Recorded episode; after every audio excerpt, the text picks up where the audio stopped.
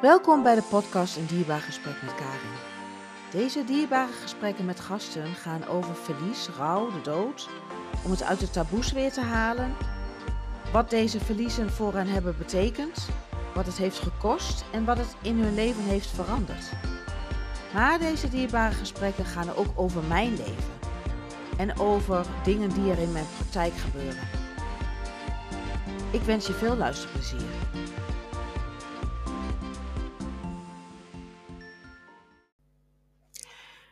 Welkom bij weer een nieuwe aflevering van mijn podcast, Een dierbaar gesprek met Karin. En vandaag heb ik weer een nieuwe gast en dat is Gayane Abramjan. Met haar ga ik praten over diverse verliezen die zij heeft meegemaakt in haar leven en wat verder nog ter tafel komt. Welkom, Gayane. Dankjewel, Karin. Dankjewel voor deze mooie uitnodiging. Ja. Zou jij je willen voorstellen uh, aan de luisteraars? Ja, nou, ik ben uh, Guyana, oorspronkelijk uit Armenië. Uh, momenteel heb ik een stress- en burn-out praktijk.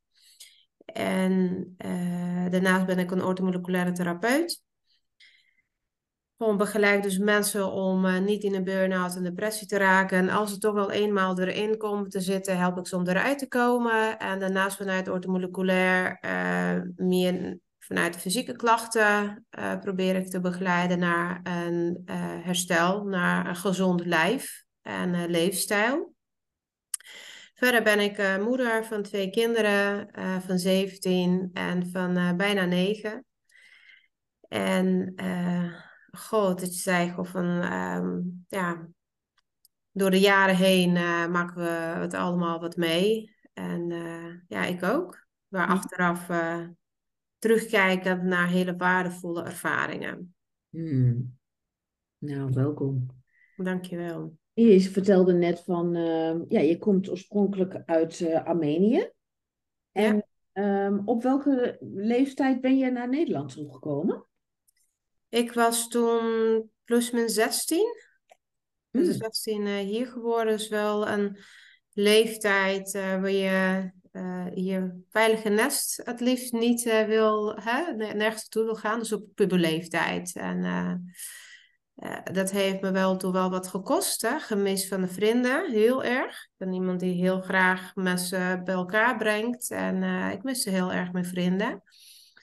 En uh, hier was het toen nog, om even mee te nemen, was niet zoals nu met vluchtelingen omarmen, taalmaatjes en de weg wijzen. Nee, dat was gewoon uh, zoek mezelf uit. En ik had me toen gestoord op, uh, nou, ik begreep dat als je wil communiceren, dan moet je de taal leren. Zo mm. simpel is dat. En dat was aan de ene kant heel erg gemist, wel begrijpend, hè, de keuze van mijn ouders. Dat was gewoon een uh, oorlog, wat we een paar jaar geleden hebben gezien, kwam met Nagorno-Karabakh. Dus de spanning in het land.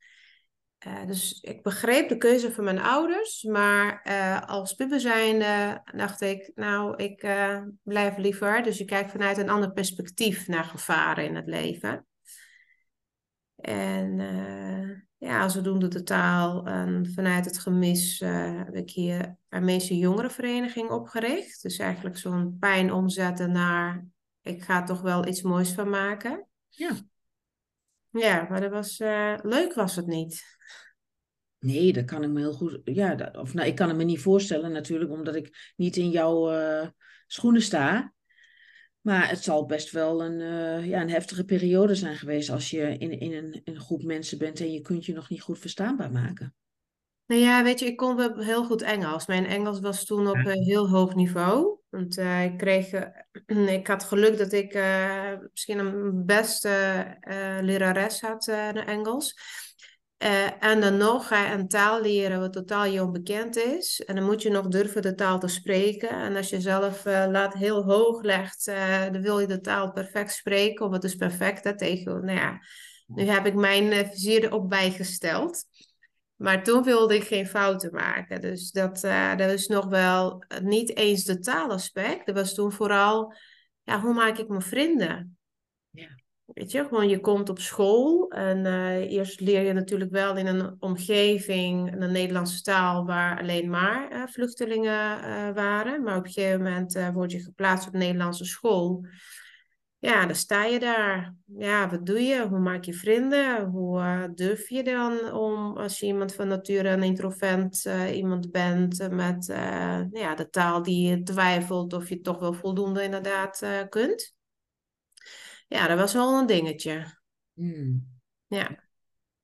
Nou, inmiddels is dat helemaal goed gekomen, want jij spreekt uh, heel, heel goed Nederlands, ja. Ja, ja dat is wel goed gekomen, klopt, ja. ik dacht al wel door terug, maar in mijn burn-out merk ik wel het verschil. Ik moet zeggen, het burn-out, mijn burn-out is wel dat ik, ik, ik ben wel heel goed in grammatica. Maar soms uh, moet ik zoeken naar woorden. En ik hoor eigenlijk ook best wel veel om me heen van mensen die ook in een zware burn-out uh, terecht zijn gekomen. Dat je soms, ja, dat, dat, je echt uh, moet zoeken naar woorden. Dat op een gegeven moment de cognitie zodanig nou ja, aangevallen is of beschadigd is, of hoe je het noemt. Um, ja, en dat je ook bepaalde dingen het even moet opzoeken qua de liedwoorden. Want je dacht, nou, toen was het helder en nu is het nou, schakel je alles in de fabriek staand, hè, eigenlijk. Ja. Ja. Want uh, kun je ons eens meenemen, uh, je geeft aan, uh, dat, dat, is het, het, het, ja, waar we het over gaan hebben, het verlies van gezondheid, een, een, een burn-out, waar jij ja, in bent beland. hoe was de aanloop naar die burn-out? Had je enig idee dat dat, nou ja, dat, dat er aan zat te komen? Nee, sterker nog, ik weet nog toen ik... Ik wist dat er, dat er dingen niet helemaal goed liepen. Hè? Er wordt wel gezegd, burn-out is werkgerelateerd. Nou, ook bij deze, nee, is burn-out niet alleen werkgerelateerd. Dat is wat de laatste druppel, het emmer doet overlopen. Um, maar ik wist totaal niet wat de burn-out van de term, ook van burn-out. Dat was niet, toen niet zodanig, dan heb ik toen over 2016, de 17...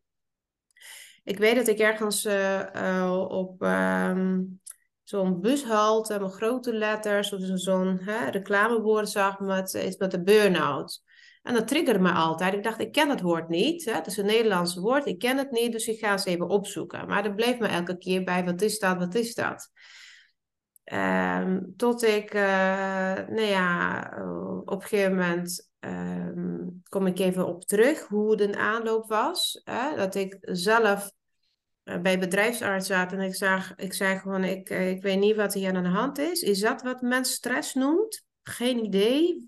Er gebeurt iets met mij. Ik kan dingen niet. Ik heb geen controle over mijn emoties, maar ik had behoefte om echt een naam te hebben, van begrijpen wat het is. En uh, die zei, oh, dat is een burn-out. Toen, nou ja, dan maakte ik wel kennis met het woord burn-out en ook met alle verschijnselen wat het betekent. En uh, terugkijkend was, uh, was een aanloop, zeker. Uh, een, uh, zeker misschien een aanloop van een paar jaar zelfs. Hè? en en daarvoor had ik ook, ehm, werd ik gediagnosticeerd met uh, chronische darmontsteking, colitis ulcerosa. Dat is een aanverwant van de ziekte van Crohn. Mm -hmm. En ziekte van Crohn die gaat ja, uh, het hele spijsverteringskanaal en colitis ulcerosa beperkt zich tot de dikke darm. Dat is een heftige ontsteking en, en de klachten zijn eigenlijk hetzelfde. Uh, op een gegeven moment uh, kun je het huis niet uit. Op een gegeven moment schaam je je ervoor. Hè? Want alles wat om met de uh, vertering, hè? want spijsvertering gaat, dan, dan praat je ook niet over met je vrienden, met je familie. Want het is beschamend. Je schaamt je eigenlijk daarvoor.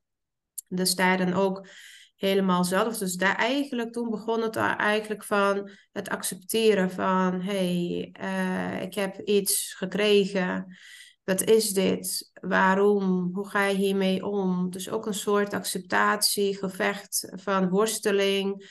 Uh, moet ik dit accepteren? Hè? Um, wat kan ik, wat kan ik niet? Heel erg beperkt. Uh, ik had toen een, een zoon die uh, twee, jaar, jaar oud was. En ik denk, nou, wat voor moeder ben ik? Want qua opvoeding moet je consequent zijn. Nee is nee. Nou ja, ik lag daar heel erg ziek in bed En uh, ik kon niet echt de liefde geven, maar ik kon niet de opvoeding geven wat ik normaal gesproken zou kunnen geven. Dus dan krijg je ook gewoon van het schuldgevoel erbij. Of van uh, wat voor moeder ben ik, uh, wat voor vrouw ben ik, wat voor dochter ben ik. Dus alle rollen wat je, toen ik daar had, nou, zat ik allemaal vraagtekens bij. Wat voor werknemer ben ik? Hè? En ik ben nog iemand die heel erg begaand is met de ander. Dus dan ga je vanuit de andere kant, dacht ik, nou, wat hebben ze aan mij? Hè? Um, maar goed, dat was even uh, het eerste stukje van het uh, verlies van gezondheid. En vanuit het ziekenhuis werd aangegeven, want er wordt gekoppeld aan internist, dan mag daarom levenarts en medicijn 1, 2 en 3 uh, eh, gaan ingezet worden.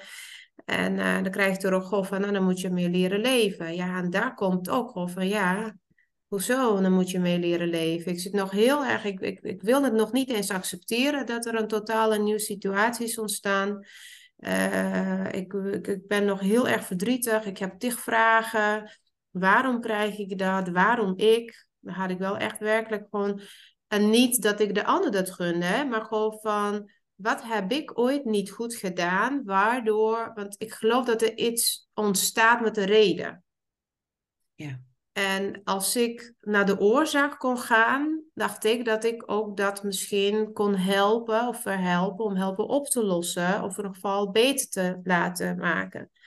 Dus dat was de intentie van een waarom ik. Wat heb ik gedaan? Um, ja, en daarna, nou ja, tot je even van de fase komt, naar accepteren en uh, mee leren leven, was het wel nog een ding. En uh, dan probeer je gewoon weer uh, hè, nou ja, op te staan, zeg maar, uh, wie het werk te blijven doen wat je deed, het zin in het leven te weer, hè, gewoon van dingen zin zitten, maar ook jezelf als de moeder weer de andere rollen oppakken. En nou, dan ga je toch wel weer op normale stand verder. En uh, nou, dan gaan de dingen ook niet helemaal goed. Uh, dan krijg je bepaalde situaties, uh, kreeg ik, uh, wel privé gerelateerd. En um, nou, dat leidde tot een burn-out, een zware burn-out. En ik weet nog dat ik naar het werk ging, wie in gedachten verzonken. Gewoon van, nou, waarom gaan de dingen toch niet goed? En weet je, je bent echt met je hoofd bezig. En uh, dan kwam ik in de stiltekamer zitten, want we hadden kantoortuinen. Dat is wat alle collega's bij elkaar zitten. En ik dacht, nou, uh, ik wilde heel graag, ik zocht een rustige plek. Want om een vraag te krijgen, hoe gaat het met je? Nou, ja, ik wist dat ik het niet aankon. En in de stiltekamer, dus computer aangezet. En dan kreeg ik zo'n geluid, alsof de houten luiken gewoon dichtklappen. Ik dacht, nou lag een computer, dacht ik. Dus uitgezet en weer gestart, aangezet. En ik hoorde weer hetzelfde geluid. En toen besefte ik me dat dat geluid in mijn hoofd was. Ik hoorde het in mijn hoofd en ik zag in, in, ja, in verbeelding zag ik echt werkelijk de twee houten luiken, weet je, van oude huizen, gewoon echt dichtklappen. Ja, toen was het voor mij duidelijk. Ik wist niet wat er was. Maar in één keer de tranen, overloop van de tranen en geen controle. Ik dacht, nou, de één ding kon ik doen, uh, naar huis gaan. En, um, en toen, nou ja, hè, leidinggevende uh, geïnformeerd van ik weet niet wat het is, maar ik kan niet werken. En dan was op een gegeven moment hier bij de bedrijfsarts, waar ik in het begin over had, ik zei, ik heb geen idee wat het is. Hè. Is dat de stress wat men noemt? Nou, dat was dus meer dan een stress. En um, ja, dus de aanloop was meer gewoon van, hey, weet ik, ik wist dat er bepaalde dingen niet helemaal goed uh, verliepen. Er was gewoon een, een, een ongezonde situatie. En uh, dus eigenlijk manier waarop ik reageerde op de situatie, heel erg naar me toe trekken, hè, heel erg ten harte nemen en zelf proberen gewoon uh, dingen voor elkaar te krijgen uh, over mijn eigen grenzen heen gaan, geen grenzen aangeven. Uh, ja, dat, dat zorgt ervoor. Dat was een aanloop. Ja. Dat is, uh, dat is heel heftig. Hè? En, en, en, en, en heeft daar ook, uh, ja, die, jouw darmziekte heeft daar, is daar van invloed op geweest dat je, dat je uit bent gevallen? Nou ja, kijk, vanuit nu mijn huidige, uh, als ortomoleculair, als even ingelezen en gestudeerd, hè, uh, als je kijkt of van uh, darm en breinen hebben direct met elkaar uh, connectie. en als de darmen niet helemaal daar niet goed gaat, dan kan het wel depressieve, vooral, vooral echt depressiviteit triggeren. Dat kan. van burn-out, nee. Uh, het, is het, is totale, zeg maar. De burn-out ontstaat niet door één dingetje, maar het is gewoon echt complex, totaal. Natuurlijk, als je fysiek nog niet, hè, als de fysieke aandoening is, en dat kost al energie. Hè? Je immuunsysteem van alle organen zijn, sommige organen worden verwaarloosd, de andere krijgen aandacht, extra aandacht. Dus er gebeurt wel best wel veel in je lichaam. En wanneer er buiten factoren zijn, hè, om, om uh, van buitenaf, uh, slechte relatie of sommige uh, dingen op het werk niet goed gaan, of een kind die zorg behoeft. Weet je, er zijn verschillende factoren nog daarbij, los van dat je je lichaam nog niet helemaal hè, fit is. Dat komt nog wel erbovenop. En dat alles zorgt weer ervoor Hè? Je blijft wel doorgaan, hè? want eh, je wil gewoon heel graag door. Ondanks je een stukje verlies hebt en acceptatie, dat is nog een proces erbij. Hè? Je bent heel hard aan het werken, zowel in bovenkamer als emotioneel vlak, als dingen in de praktijk die nog gedaan moeten worden.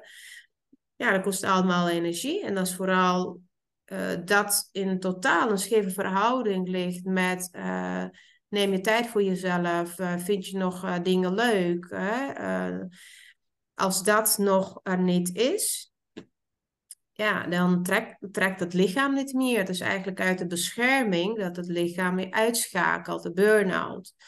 Um, dus darmklachten, er kunnen wel meer tot de depressiviteit leiden. En uiteindelijk heb ik dat ook wel gehad.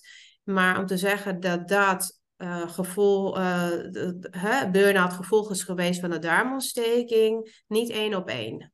Nee, nee, nee. Maar burn-out is ook vaak een uh, opeenstapeling van meerdere dingen. En, en, zoals jij al zegt, gaan daar vaak meerdere jaren aan vooraf, zonder ja. dat we daar eigenlijk weet van hebben. Ja, ja. Klopt. Ja, en het is altijd het onopgemerkte. Je, het is van de ene naar de andere. En uh, je gaat het niet bedenken. Je gaat niet bewust denken goh, van nou, dan heb ik dit. Uh, ik ga eens even dat nog erbij halen. Uh, er komen bepaalde dingen op. Met beste bedoelingen wil je en op alle gebieden nog, hè, wat we zeggen, bal in de lucht houden. Je wil het beste van maken. En, um, en het sluimert wel zich wel bij in. En uh, onopgemerkt. Je bent er niet van bewust dat er nog iets erbij is. Hè? Net als met piekeren. Voor je het weet, voor je bewust bent. Ja, dan zit je al kilometers verder. Van waar je eigenlijk hoort te zijn. En, uh, en dat heeft wel impact op het totaal, op het lichaam. En als het jaar in, jaar uit, maanden in, maanden uit is. En ja, vooral dat je blijft in, in een ja, minder prettige, om het zacht uit te drukken, of in een ongezonde situatie blijf je zitten. Ja, dan, eh, dan schakelt het lichaam bescherpt je, schakelt het uit. Dus jouw, uh, ik, heb, ik heb ook een burn-out gehad, hè, twee jaar geleden. En, en bij mij was het echt zo dat, uh, ja, dat ik op donderdagavond vakantie kreeg en op vrijdag kon ik niets meer. Ja. Ik kon echt niet, geen vijf minuten meer lopen of mijn, uh, ja, mijn benen begaven het gewoon. En ik, ik, kon, ik kon nog wel soms een klein stukje lopen, maar ik, een tempo erin brengen, dat, dat ging niet meer. Ik bracht echt dagen ja, door op, uh, op de bank. En, uh, en dat vond ik helemaal oké. Uh, en ook al zeiden mensen tegen mij van, ja, uh, zoals de praktijkondersteuner, het helpt heel erg als je gaat wandelen, iedere dag. En ja, en ik heb dat wel aangehoord, maar als ik dan thuis kwam, dan zei ik echt tegen mijn man: Ja, ik moet wandelen. Maar als er iets is wat ik niet meer wil, is dingen moeten. Ik bepaal zelf wel wat ik ga doen. En, en ehm, ja, ik weet wel dat mensen in mijn omgeving zich toen heel erg zorgen over mij hebben gemaakt. Ik was, hè, dat weet ik nu, maar ik was me daar toen helemaal niet bewust van. Ik was echt gewoon helemaal in een, Hmm. ja, eh, een, een, een burn-out. Ik was gewoon echt totaal opgebrand. Ja, herkenbaar. Ik had ook een goed, advies, eh, goed bedoeld advies gekregen om te gaan wandelen. En eh, dat lukte mij niet. Heb ik niet eh, ik, de gedachte al eh, zuigde mijn energie weg. ja, En ehm, ik geef vanuit mijn huidige werk, hè, ik zeg gewoon dat is een maatwerk. eh, bewegen is prima, is goed, is gezond, maar het is heel erg afhankelijk waar iemand staat. Ik kon ook niet lezen. Als ik een boek opendeed, en ik hield heel erg van lezen. Als ik een boek opendeed, dan... Ik, elke letter eh, voelde dat er gewoon met, aan zo'n ehm, touwtje aan mijn netvlies eh, verbonden was. En dat trok heel erg. Dus ik kon het niet aan. Ik kon, ik kon, het, eh, ik kon niet lezen. Elke letter, ik voelde de zwaarte van elke letter. Klinkt heel bizar, maar dat voelde ik ook wel. En naar buiten gaan, er was... ehm, ik, ik ben inmiddels gescheiden. Toen woonde ik wel in een woonhuis. en dan kon je gewoon met de deur stond, zou ik eigenlijk in een achtertuin staan. Maar het idee gewoon de deur openen en dat je bent er buiten, ja, dat was te veel. Het ging niet en dat kon niet. En ik dacht, nou ja, wat je zei, ik hoorde het wel aan. Maar ik dacht, nou, het, eh, nee, dat gaat niet en het lukt niet. En wel bizar dat andere dingen wel weer, l- ja, lukte wel. Gewoon, ik bedoel, fysiek, hè? De fysiek is er niks aan de hand. En dat is ook een stukje van als je het over rouw en verlies hebt, dat is meer achteraf, want op dat moment is alles uitgeschakeld. Je zit in, in zo'n capsule van het helemaal opgebrand. Hè? Je, je wereld wordt heel erg klein.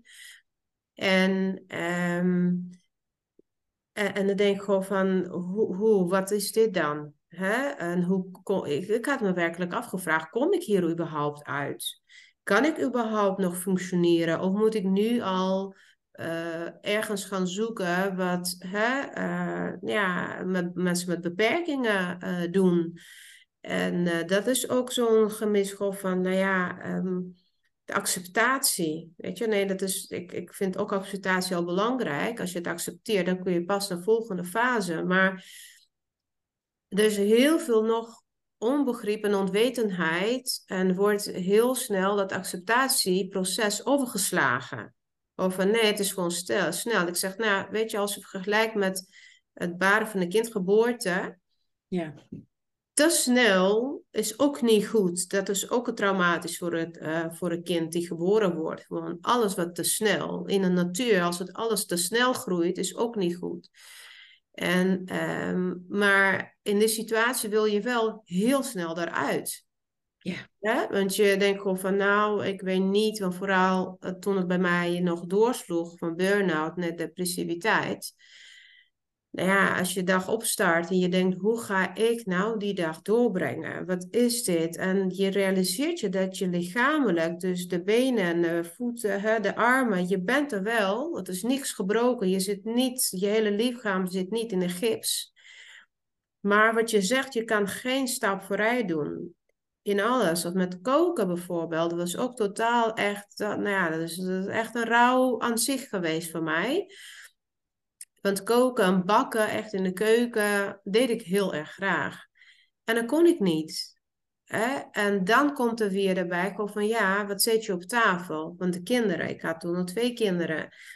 En um, de een, ik heel van koken, maar de tweede, ik vond het belangrijk dat de kinderen vers hè, een maaltijd kregen. Maar wat al heel snel was, uh, friet, uh, pizza, weet je. En dan denk ik gewoon als moeder, dacht ik gewoon van, jeetje, wat voor moeder ben ik? Wat, hè, de kinderen zijn afhankelijk van mij. Dus de leeftijd dat ik nog kook. Uh, of verantwoordelijk ben voor, voor, voor maaltijd. En zij krijgen dus alles wat je niet zou willen dat je kind krijgt.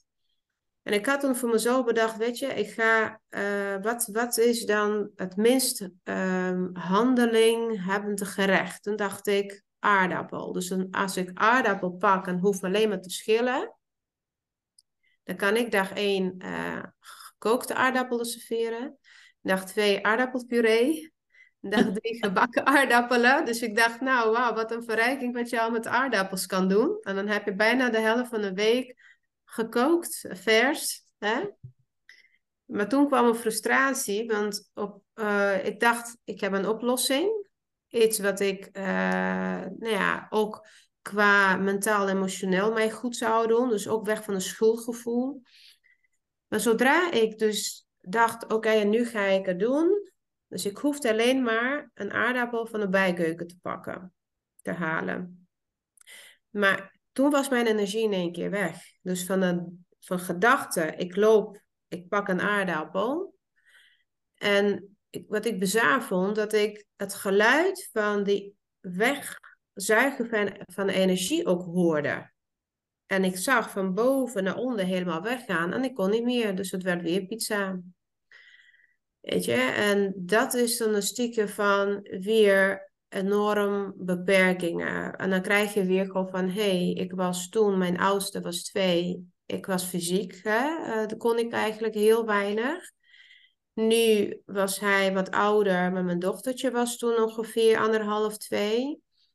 Ja, en nou, er, blijven weer gewoon heel erg moet uitkijken van oké, ehm, ja, de ene weer gewoon van wat gebeurt hier? Kom ik hieruit? Uh, weer komt de rollen erbij. Wat voor moeder ben ik? Wat voor werknemer ben ik? Want uh, ik moest muziek melden. denk ik, nou ja, eh, qua werk was in mijn geval, in geval, want ik weet het in anderen wel op het werk hè, issues hebben. Bij mij was dat totaal niet aan orde. Dus ik moet me enorm druk maken om mijn werkgever. Want ja, ik ben een kostenplaats. Want uh, ik, ik weet vanuit mijn vooropleiding als management economie recht weet ik wat een organisatie kost als iemand uitvalt. Ja. Dus daar ging me schuldig over voelen. Nou, dat kwam nog erbij, weet je. En dan blijven gewoon echt de cirkeltjes draaien. En uh, ja, dan wil je toch wel echt liever gisteren dan vandaag helemaal eruit komen. Wat niet gaat natuurlijk. Zo snel. Nee, kon dat maar, hè? Ja.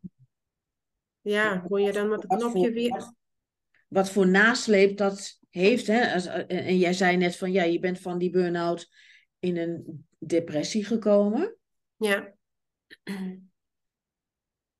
Ja, dat is, dat is natuurlijk nog, uh, nou ja, nog heftiger, maar dat is, hè, dan weet je waarschijnlijk ook niet wat je, nou ja, wat, wat je overkomt en hoe je, uh, nou ja, welke hulpverleners scha schakel je dan in om uh, naar te kijken van hoe je, hoe je weer beter kunt worden. Ja, ja dat klopt. Want uh, het is weer een na de andere. Want uh, nou ja, ik, ik maakte net kennis toen met de burn-out, de term. Wat voor mij een term was, en voelde ik. En dacht ik, nou, er komt nu iets, iets, gewoon iets anders nog erbij. En um, ik weet dat ik toen nou, gewoon van, ik uh, gewoon help. Meer gewoon van, hey, of het nou bedrijfsarts was. Ik was naar de huisarts geweest, mijn praktijk ondersteunen. Ik dacht, nou, uh, jongens, stuur mij. Ik, ik, ik, uh, ik, moet, ik wil beter worden, want dit is gewoon echt niet te doen. En dan word je naar, doorgestuurd naar een psycholoog. Hè? Dan krijg je een aantal sessies. Dan zeggen ze, ja, we zijn klaar. Dan denk ik, hoezo klaar? Ik, ik, volgens mij ben ik pas nu, begin ik nu pas.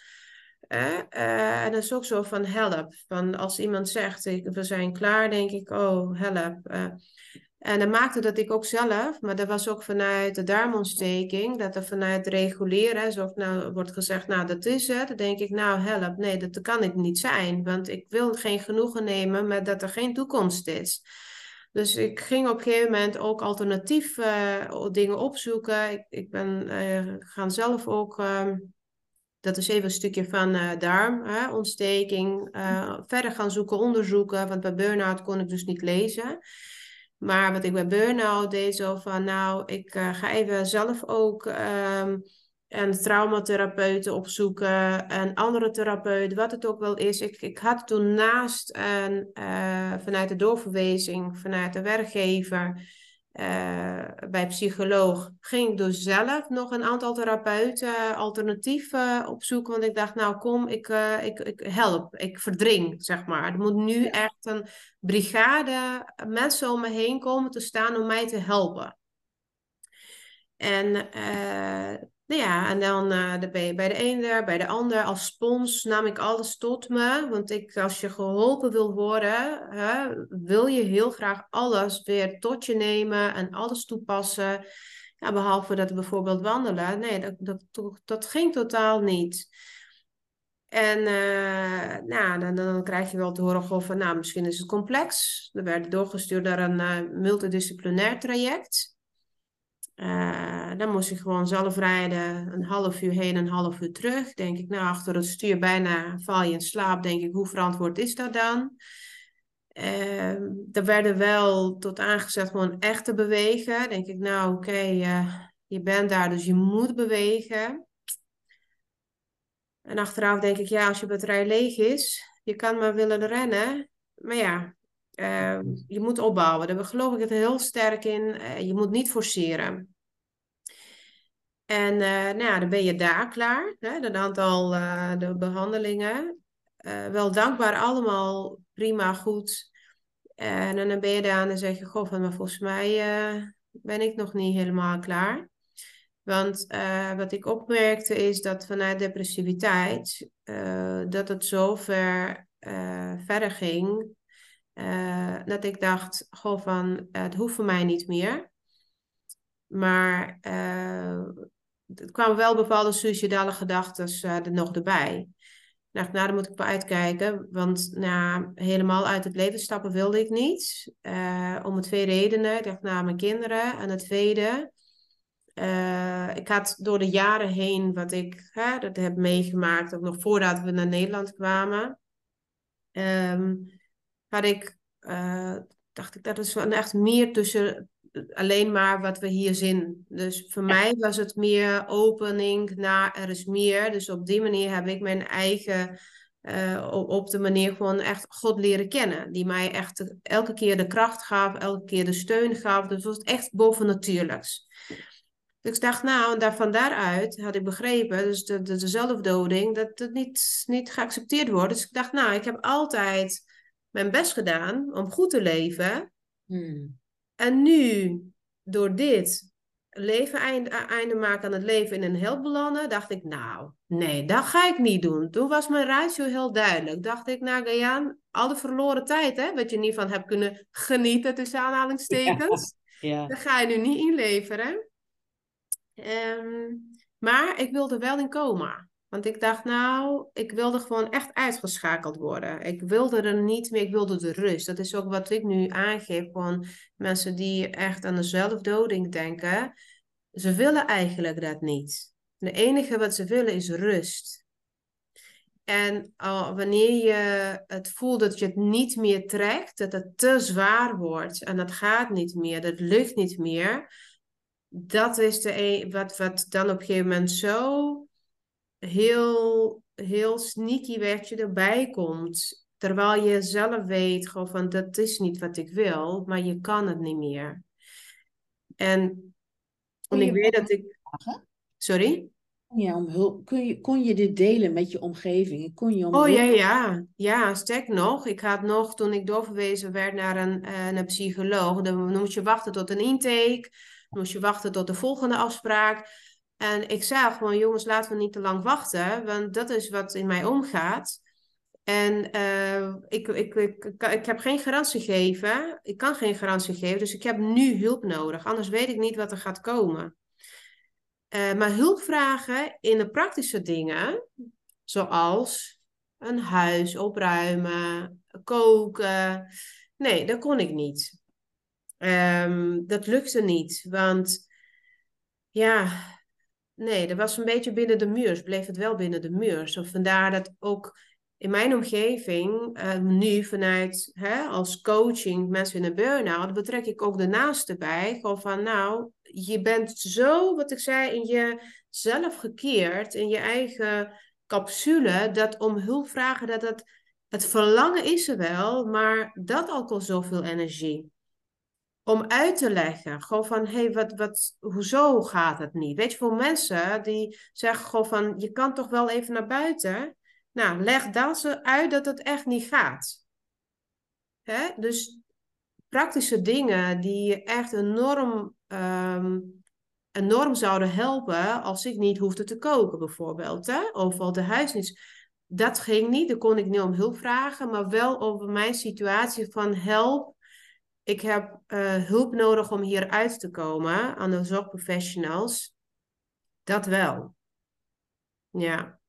En uh, vooral dat ik dacht, nou, ik was eigenlijk al aan het kijken van welke boom zou dat zijn. Want ik had een, een beetje zo'n plan in gedachten. Ik ga tegen de boom aanbotsen. Maar die plan uh, heb ik niet tot uitvoering uh, ge genomen. Omdat ik dacht, nou ja, stel dat ik met niks uitkom. Dus hoe zorg ik ervoor dat ik toch wel in coma kom? Nee, ik had er geen controle over. Dus dat, het plan uh, werd aan de kant gezet. En uh, goed ook natuurlijk. Gelukkig ja. ook. Ja. Um, ja, maar ja, dat is best wel heftig. Tuurlijk, ja, dat is zeker heftig. Zeker voor de mensen om je heen ook. Ja, omdat, en, en, en ik begrijp eruit, je hebt het wel aan de hulpverleners gevraagd, maar je hebt dit, dit dus niet gedeeld met de mensen om jou heen? Dat je met zelfmoordgedachten rondliep? Nee, nee, eigenlijk niet. Nee, dat kwam, heb ik er voor je dan eenzaam hebben gevoeld? Sorry? Moet je je dan eenzaam hebben gevoeld? Ja, maar weet je, op dat moment ben je er totaal er niet mee bezig. Je bent, uh, ik was toen wel uh, zodanig bezig van, hé, hey, de kinderen hebben straks misschien uh, niet die mama die ze willen als je in coma bent. Want je weet niet of je eruit komt en hoe je eruit komt. En als je toch wel hè, de, de, de zelfdoding wel toepast, ja, dan ben je er wel niet. Maar de rest, het was zodanig dat je toch, ik, ik, ja, ik was niet bezig, ja, wat zielig voor mijn ouders of wat voor de omgeving. Nee, dan ben je gewoon echt nog zo erg met jezelf bezig. dat, er nog ge dat er geen ruimte is achteraf, als je ratio aanzet en een gevoel aanzet maar op dat moment is er gewoon er geen ruimte voor. Nee, ik heb dat eerste keer gedeeld toen ik uh, Burnout on Stage, een voorstelling, uh, had gemaakt. En het doel was om mijn verhaal te delen. En niet omdat ik behoefte had om te delen, maar meer de herkenning. Hè? Dat de mensen die erin zitten, dat ik kon zeggen, goh, van ook met jou komt het goed.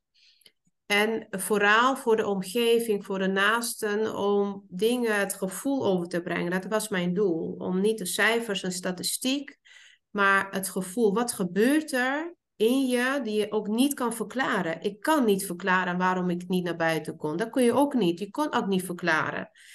Natuurlijk wel vanuit fysiologie, et cetera. Maar en je voelt je wel Weet je, als elke keer dat je naar een gesprek hebt met de leidinggevende of met de bedrijfsarts, dat was al te veel. Laat staan met je vrienden of met familie, of überhaupt met je partner. En je voelt je wel dat je gewoon zo'n verantwoording moest afleggen. Gewoon van, en, en ja, dat je moet kunnen overtuigen dat het niet ging. Hè? Vooral dat op het werk bij mij heel prima was. En ik voelde gewoon na de vakantie, wat ik ook zei, wat je zei, hè? en op een gegeven moment vakantie is er en dan gaat niet. En ik weet dat we een vakantie hadden en eh, ik zou normaal gesproken weer gaan, hè? we zover om de uren te, op te bouwen.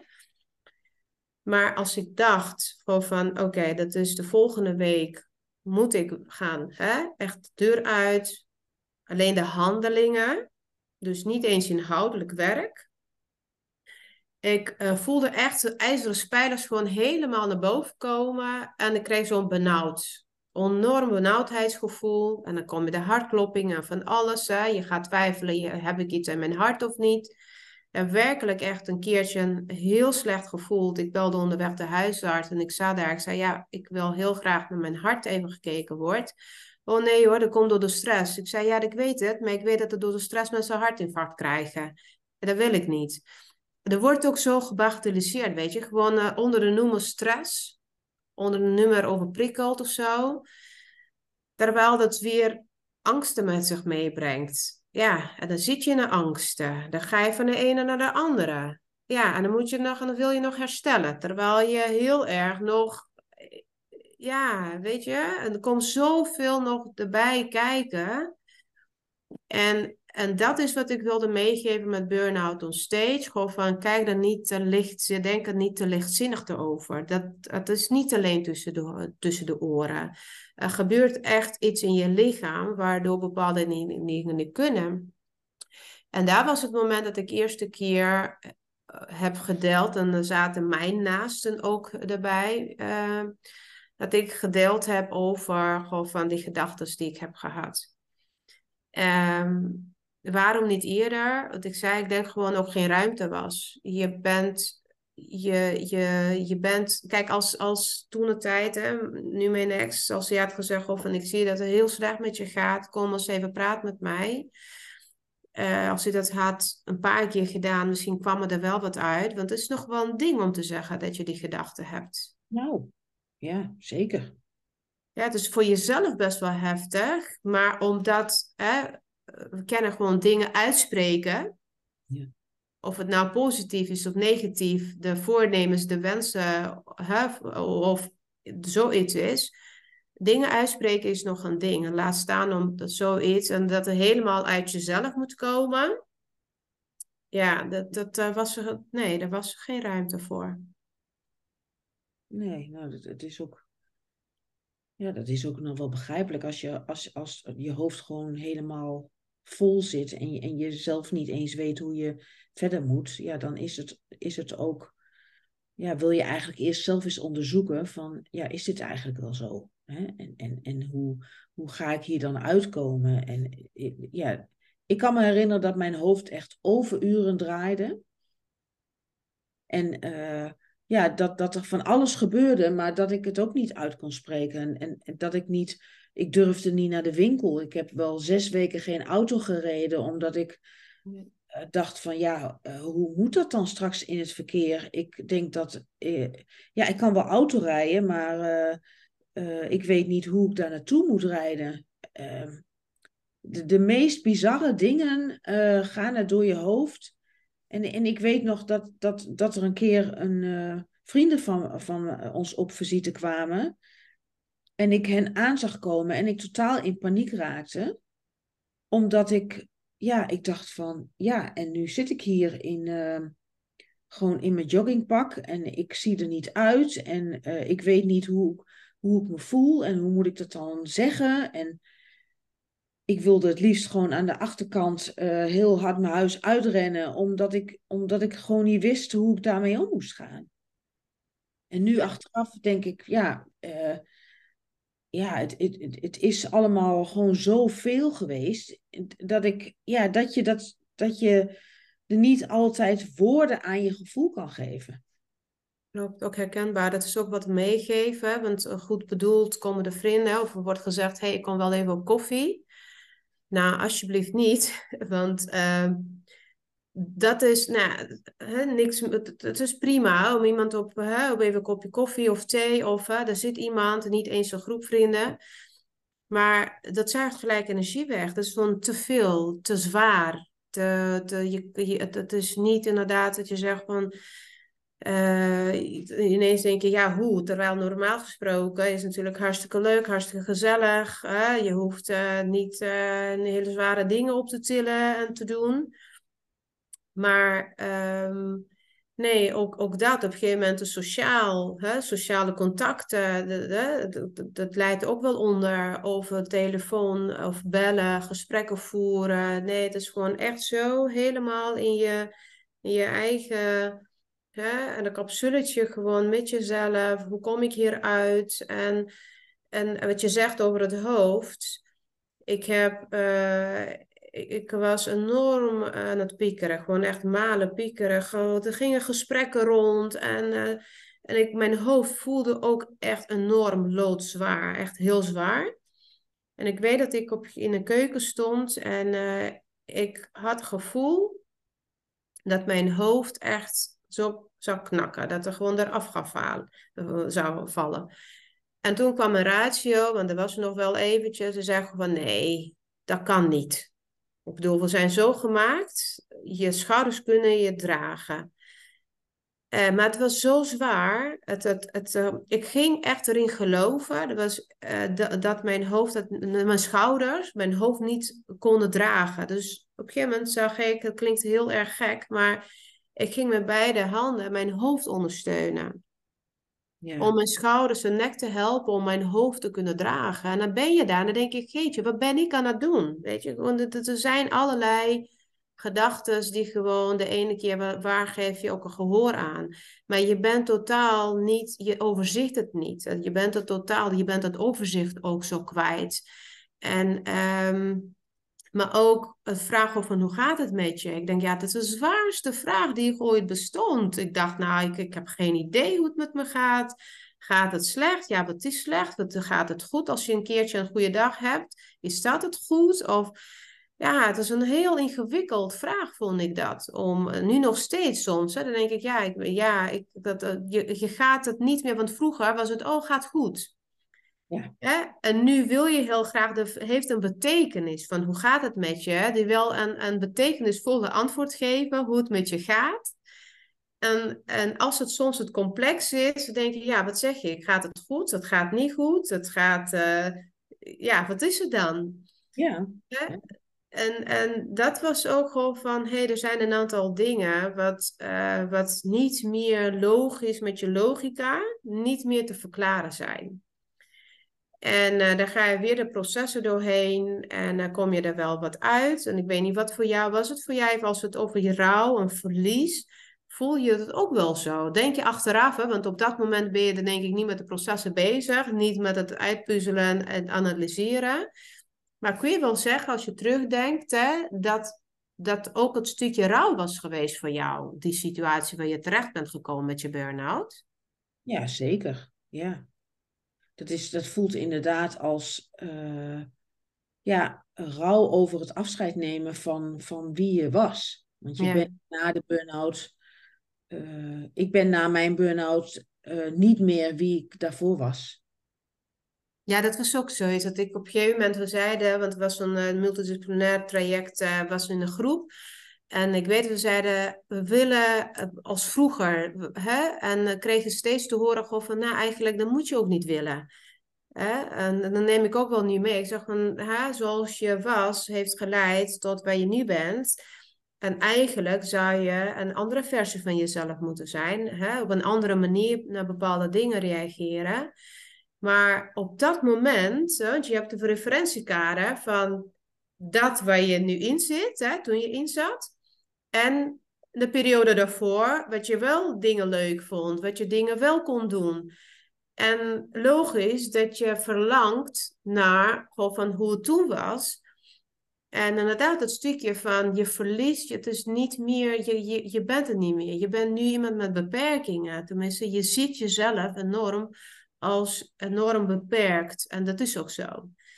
Hè? En later kom je er wel uit en dan kun je wel kijken naar hè, het pad waar achter je ligt. Uh, dan kun je wel dingen verklaren. Ja.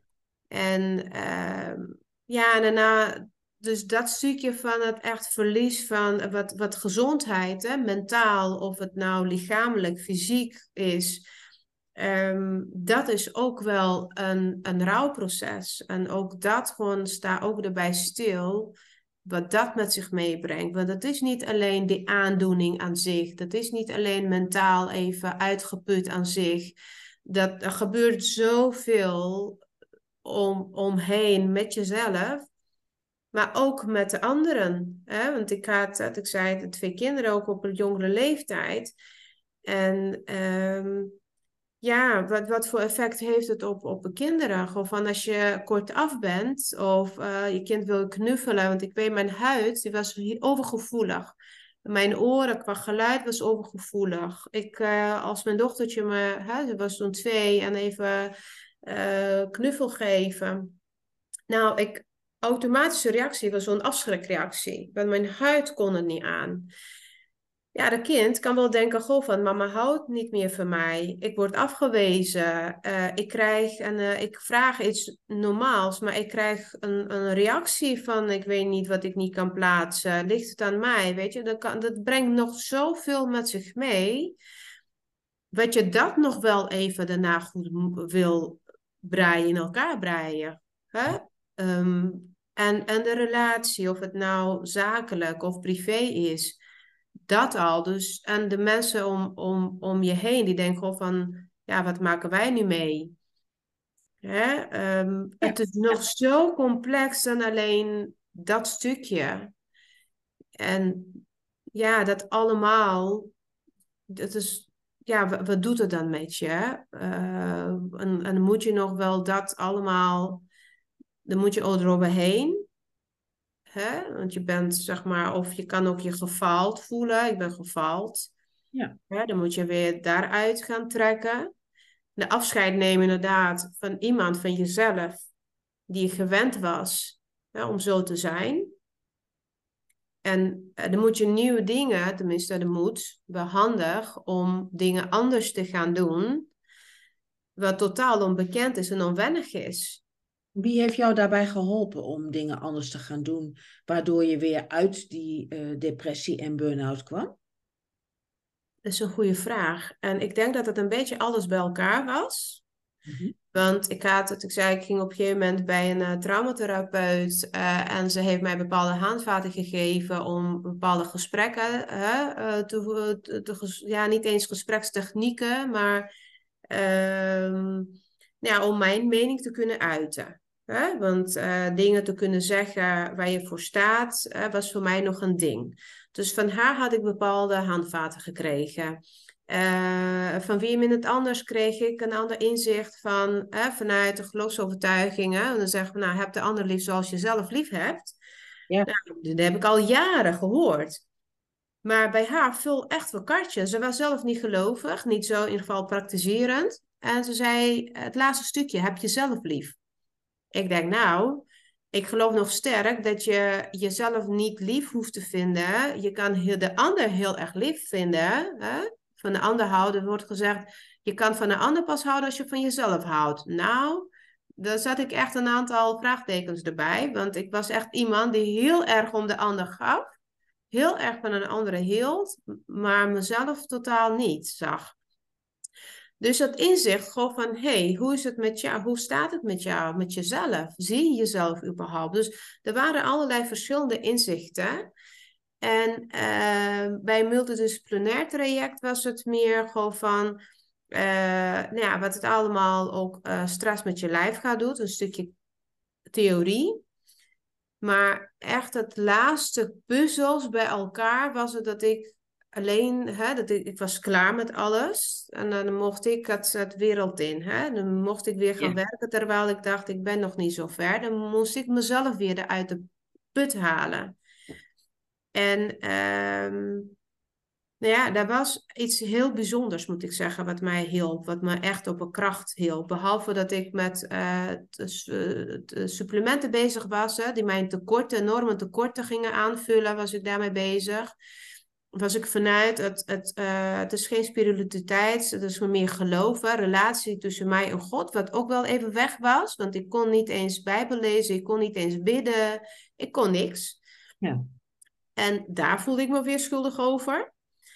Maar op een gegeven moment zag ik mezelf, ik had zo'n, ik weet niet, een, een, een visualisatie, ik zag mezelf echt uh, op grond liggen, als een zwaar uh, gewoon soldaat. Hm. En ik zag mezelf er liggen en uh, er was een hand van bovenaf die zo'n spons had, zo'n vochtig spons. En elke dag kreeg ik zo'n, op mijn lippen zo'n gedept, dat, dat de spons met water op, met vocht. Ja. En het heel bijzondere ervaring, maar ik voelde daardoor gewoon dat ik elke dag een beetje kracht kreeg. Uh, en natuurlijk dingen die ik aan handreikingen kreeg van de tips. Hè. Eh, de handvaten ging ik toepassen, want ik wilde heel graag en ik zou heel graag eruit komen. En ik merk dat dat, dat, dat hand, heel bijzondere ervaring, hè, uh, dat dat mij, en ik geloof heel sterk dat dat iets bovennatuurlijks vanuit, echt vanuit God was, dat dat mij echt op een gegeven moment alles bij elkaar weer in de kracht bracht en weer de hoop gaf weer van, yes, er is een hoop, we gaan eruit komen en uh, we gaan weer nou ja, hè, als je gevallen bent, je staat op, je veegt je af. En dan ga je eerst een beetje ja, wankel lopen. En daarna weer de stappen steviger tot je gaat rennen, bewijzen van. Dan kun je het weer. Ehm, ja, dus eigenlijk het, het complete weer bij elkaar. Net als het complex is hoe je erin komt. Ja. Ook al integraal alles. Dus niet één ding geweest om te zeggen dat is hem. Alles bij elkaar. Want als je vanuit de stress heel veel tekorten weer lichamelijk tekorten bouwt, uh, opbouwt, dan moet je ze aanvullen. Uh, als je bepaalde trauma's hebt, uh, ja, dan, dan een handreiking daarvoor krijgt, ja, dan ga je ze toepassen. En dat zo alles bij elkaar heeft geholpen dat ik eruit kwam. En dat heeft geresulteerd dat ik dacht, nou, ik ga mensen begeleiden en ik ga echt totale geven. Het is niet aan één ding. Dat totale van en maatwerk. Dat is ook wat ik enorm had gemist in het traject dat ik zelf heb gehad. Maatwerk, diepgang, wat ligt er in je rugzak? Wat heb je meegemaakt? Maar ook de voeding, alles is zo belangrijk. Ja. Ja, wat mooi dat je dat, ja, dat, je dat nu hè, met, met de kennis als ervaringsdeskundige ja. weer, weer door mag geven aan, aan mensen die hier ook uh, tegenaan lopen. Ja, en ik moet zeggen, even aanvulling belangrijk. En het is een soort, uh, op laatste moment, alsof dat ik vergeet, maar er komt wel echt dat muziek. Muziek was voor mij echt een stukje wat ik uh, dingen kon verwerken. En uh, met de muziek gewoon op, op dat moment uh, huilen, uitschreeuwen. Echt ook hè, richting de hemel aan van dan waarom ik snap het niet, hoezo. Weet je, gewoon echt net als je tegen je ouders als een kind in vertrouwde omgeving bent en je, je legt het alles gewoon van de schuld bewijzen van bij de ouders neer. Zo was het ook voor mij, de mag richting de hemel, want als er van daaruit nog een hulp is, hoezo dan? Hè? Uh, maar het muziek is omzettend en er wijst ook heel veel onderzoeken nu tegenwoordig, hè, dat dat enorm goed invloed heeft op ons verwerken van bepaalde dingen, van het brein, van herstel. Enorm, uh, ja, ja, en dat is ook ja, weer wat ik integreer. Ja, geef gewoon mee. Je bent nu Guyana 2.0. Ja, ik zou zeggen 3.0 of zo. Uh. ja, in ieder geval niet, niet, ja. Uh, ja, niet de oude. En dat resulteert dat ik nu echt voor mezelf heb gekozen. Dat ik echt uh, ook privé bepaal een keuze heb gemaakt.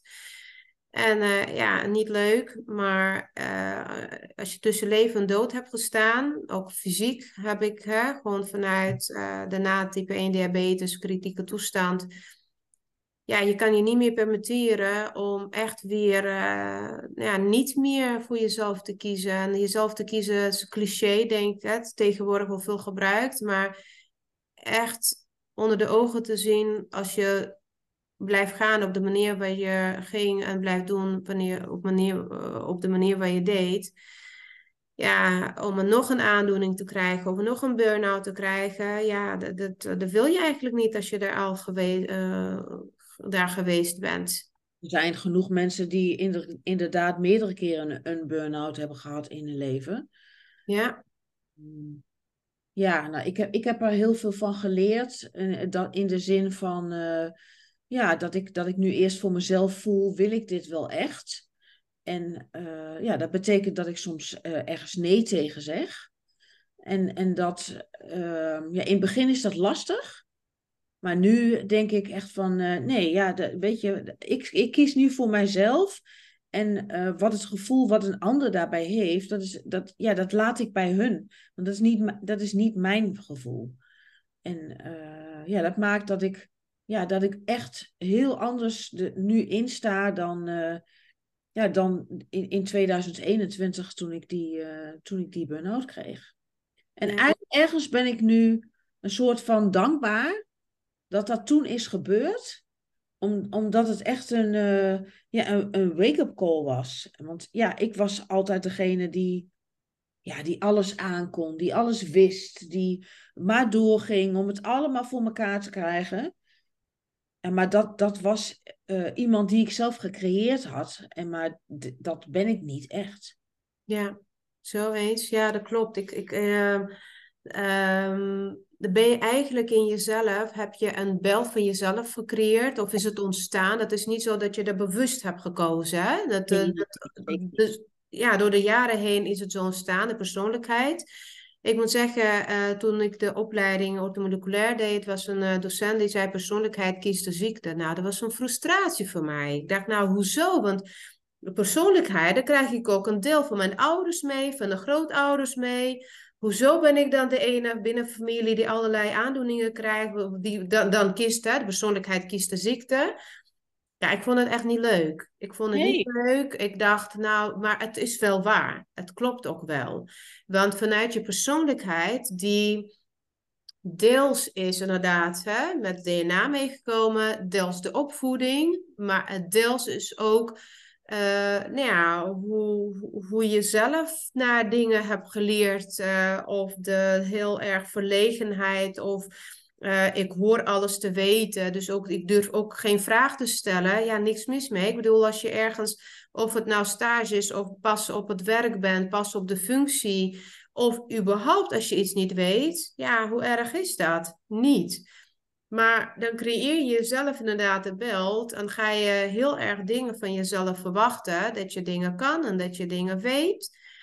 En, uh, en dan kom je op een punt en ik geloof dat ons lichaam ook een bepaalde signaal heeft afgegeven, ook fysiek, de pijn hier. Je hebt gegarandeerd, heb je voor je burn-out, heb je ook uh, schouderklachten, nekklachten, buikklachten, hebben van, denk ik, verschillende signalen gehad. Maar we hebben daar onvoldoende gehoor aan gegeven. Kijk, mijn darmontsteking, ja, die was ook een signaal. Ik wist toen niet dat ons lichaam op die manier met ons communiceert. Nu, uh, kijk, je zegt je hebt twee keer burn-out gehad. Er zijn er mensen die meerdere keren burn-out uh, hebben gehad of krijgen. Um, ja, er zijn ook, ik heb bijvoorbeeld uh, nu ook type 2, type 1 diabetes. Dus ook lichamelijk iets. Hè? Je zou zeggen, heb je na de burn-out niet, nog niet eens geleerd. Dan blijf ik zeggen, van, we zijn altijd lerende. Maar ja. omdat in fysiologie, als je ergens echt enorme schade hebt ja, wordt een ander orgaan verwaarloosd, ja, op een gegeven moment uh, krijg, wordt daar de schade uh, zichtbaar en aangericht. Ja. Maar ik weet ook dat je vanuit, als je goed luistert naar je lichaam, de signalen die je fysiek lichaam aangeeft, aandoeningen, uh, vanuit diepgaande emoties of de overtuigingen, als je daarmee aan de slag gaat, Um, dan kun je best wel veel, dan heb ik ook wel ondervonden, dan kun je best wel veel klachten wegnemen. Ja. En um, nu geef ik echt enorm veel gehoor aan, aan zelf de pijnklachten. Dan ga ik bewust even naar de plek. Als ik bijvoorbeeld, ik had enorme keelpijn. En ik dacht, nou, wat heb ik? En dat deed wel best, uh, dat houden, ging wel lang aanhouden. Um, toen ik er even gehoor aan gaf, van oké, waar komt dat vandaan? Wat zit erachter? Bleek dat ik enorm veel zorgen maakte over, nou ja, in dit geval mijn ex, van gaat hij het zich wel redden? Want ik dacht, nou, ik red me wel. Hè? Het komt wel goed met mij, maar gaat hij dat wel redden? En enorm zorgen wat ik dus de last van kreeg. En op het moment dat ik hem echt los heb gelaten in vertrouwen, echt waar, de pijn was zo weg. Ja. Dus ook dat is gewoon van, hey, uh, luister wel naar het, wat lichaam meegeeft en doe er wat mee. Want als, je, als we daar niks mee doen, ja, is het uh, of de fysieke aandoening of mentale aandoening. En het andere kant van de voeding die wij tegenwoordig tot ons nemen, wat uh, heel weinig echte voedingsstoffen in zitten, maar ook de straling om ons heen, dat maakt ons lichaam ook zwak. Zeker, ja. ja ja, daar, is, daar mag nog echt wel wat meer, uh, ja, wat meer aandacht voor zijn ook. Ja. Ja, ja. Maar al en al richting positiviteit ook al of, of welk stuk verlies het ook wel is, hè, welke, er zit overal een stuk rouw in, maar ook daarin gewoon van vertrouwen hebben om een plek te geven, niet te snel te willen gaan. En uh, ook al is het een proces, gewoon van uh, er is wel een uitkomst. Het is wel altijd nog een, ja, wat, uh, er is altijd licht, hè, te zeggen. Achter... Maar er is altijd licht aan de horizon en altijd ja, een, zo is dat. Een, een leven uh, na een burn-out of na een de depressie, ook al hè, krijg je niet meer het hele leven terug zoals het altijd was. Ik denk ook niet meer dat je dat zou moeten willen. Nee, klopt. Ja, eens. eens. Dankjewel voor dit uh, gesprek, Ayane. Heel graag gedaan. Jou bedankt voor het geven van het podium. Vooral voor degene die hier toch wel hopelijk, hè, de luisteraars, door onze eigen ervaring ja dat we het gaan echt opsteken. Is er nog iets wat ik wat je aan de, mee, aan de luisteraars uh, nog mee wil geven als, als, als laatste advies of quote of uh, wat je voelt, wat er, nog, wat er nog gedeeld mag worden? Ja, uh, misschien aan degene, want het wordt wel ook maatschappelijk breed uh, aangegeven gewoon van hè, zorg goed voor, voor, elkaar. Hè. Um, heb voor elkaar is ook wel zo. Hè. Maar juist voor degene die alsmaar oog hebben voor de ander en veel minder voor zichzelf. Om mee te geven dat het niet verkeerd is om echt um, ja, je grenzen aan te geven, te ontdekken. Gewoon van uh, hoe ver kan de ander gaan. En ook wel echt doen. Um, want je creëert daarmee ook de duidelijkheid voor de ander. Ja. Um, dus daarmee, door voor jezelf te kiezen, kies je juist voor je omgeving. Voor jezelf door echt te gaan staan waar je echt werkelijk voor wil gaan staan, dan kies je juist voor je geliefden. om dat even mee te nemen, om een stap makkelijker te maken, om echt dan nou ja, voor jezelf te kiezen en je grenzen aan te geven. Want dat blijkt nog best wel lastig iets voor heel veel mensen die zo begaan zijn met de ander. Ja. Dat is een hele mooie om mee af te sluiten. En ik wil je hartelijk danken voor je bijdrage aan deze podcastaflevering. Ja, heel graag gedaan. Jij ook bedankt. Dank je wel voor het luisteren. Jij bent ook van harte welkom om een keer te gast te zijn bij mij in de podcast. Meld je aan via info.karinhafkamp.nl als je een levensveranderend verlies hebt meegemaakt in je leven en daar graag met anderen over wilt delen.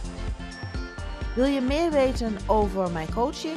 Kijk dan eens op www.karinhafkamp.nl.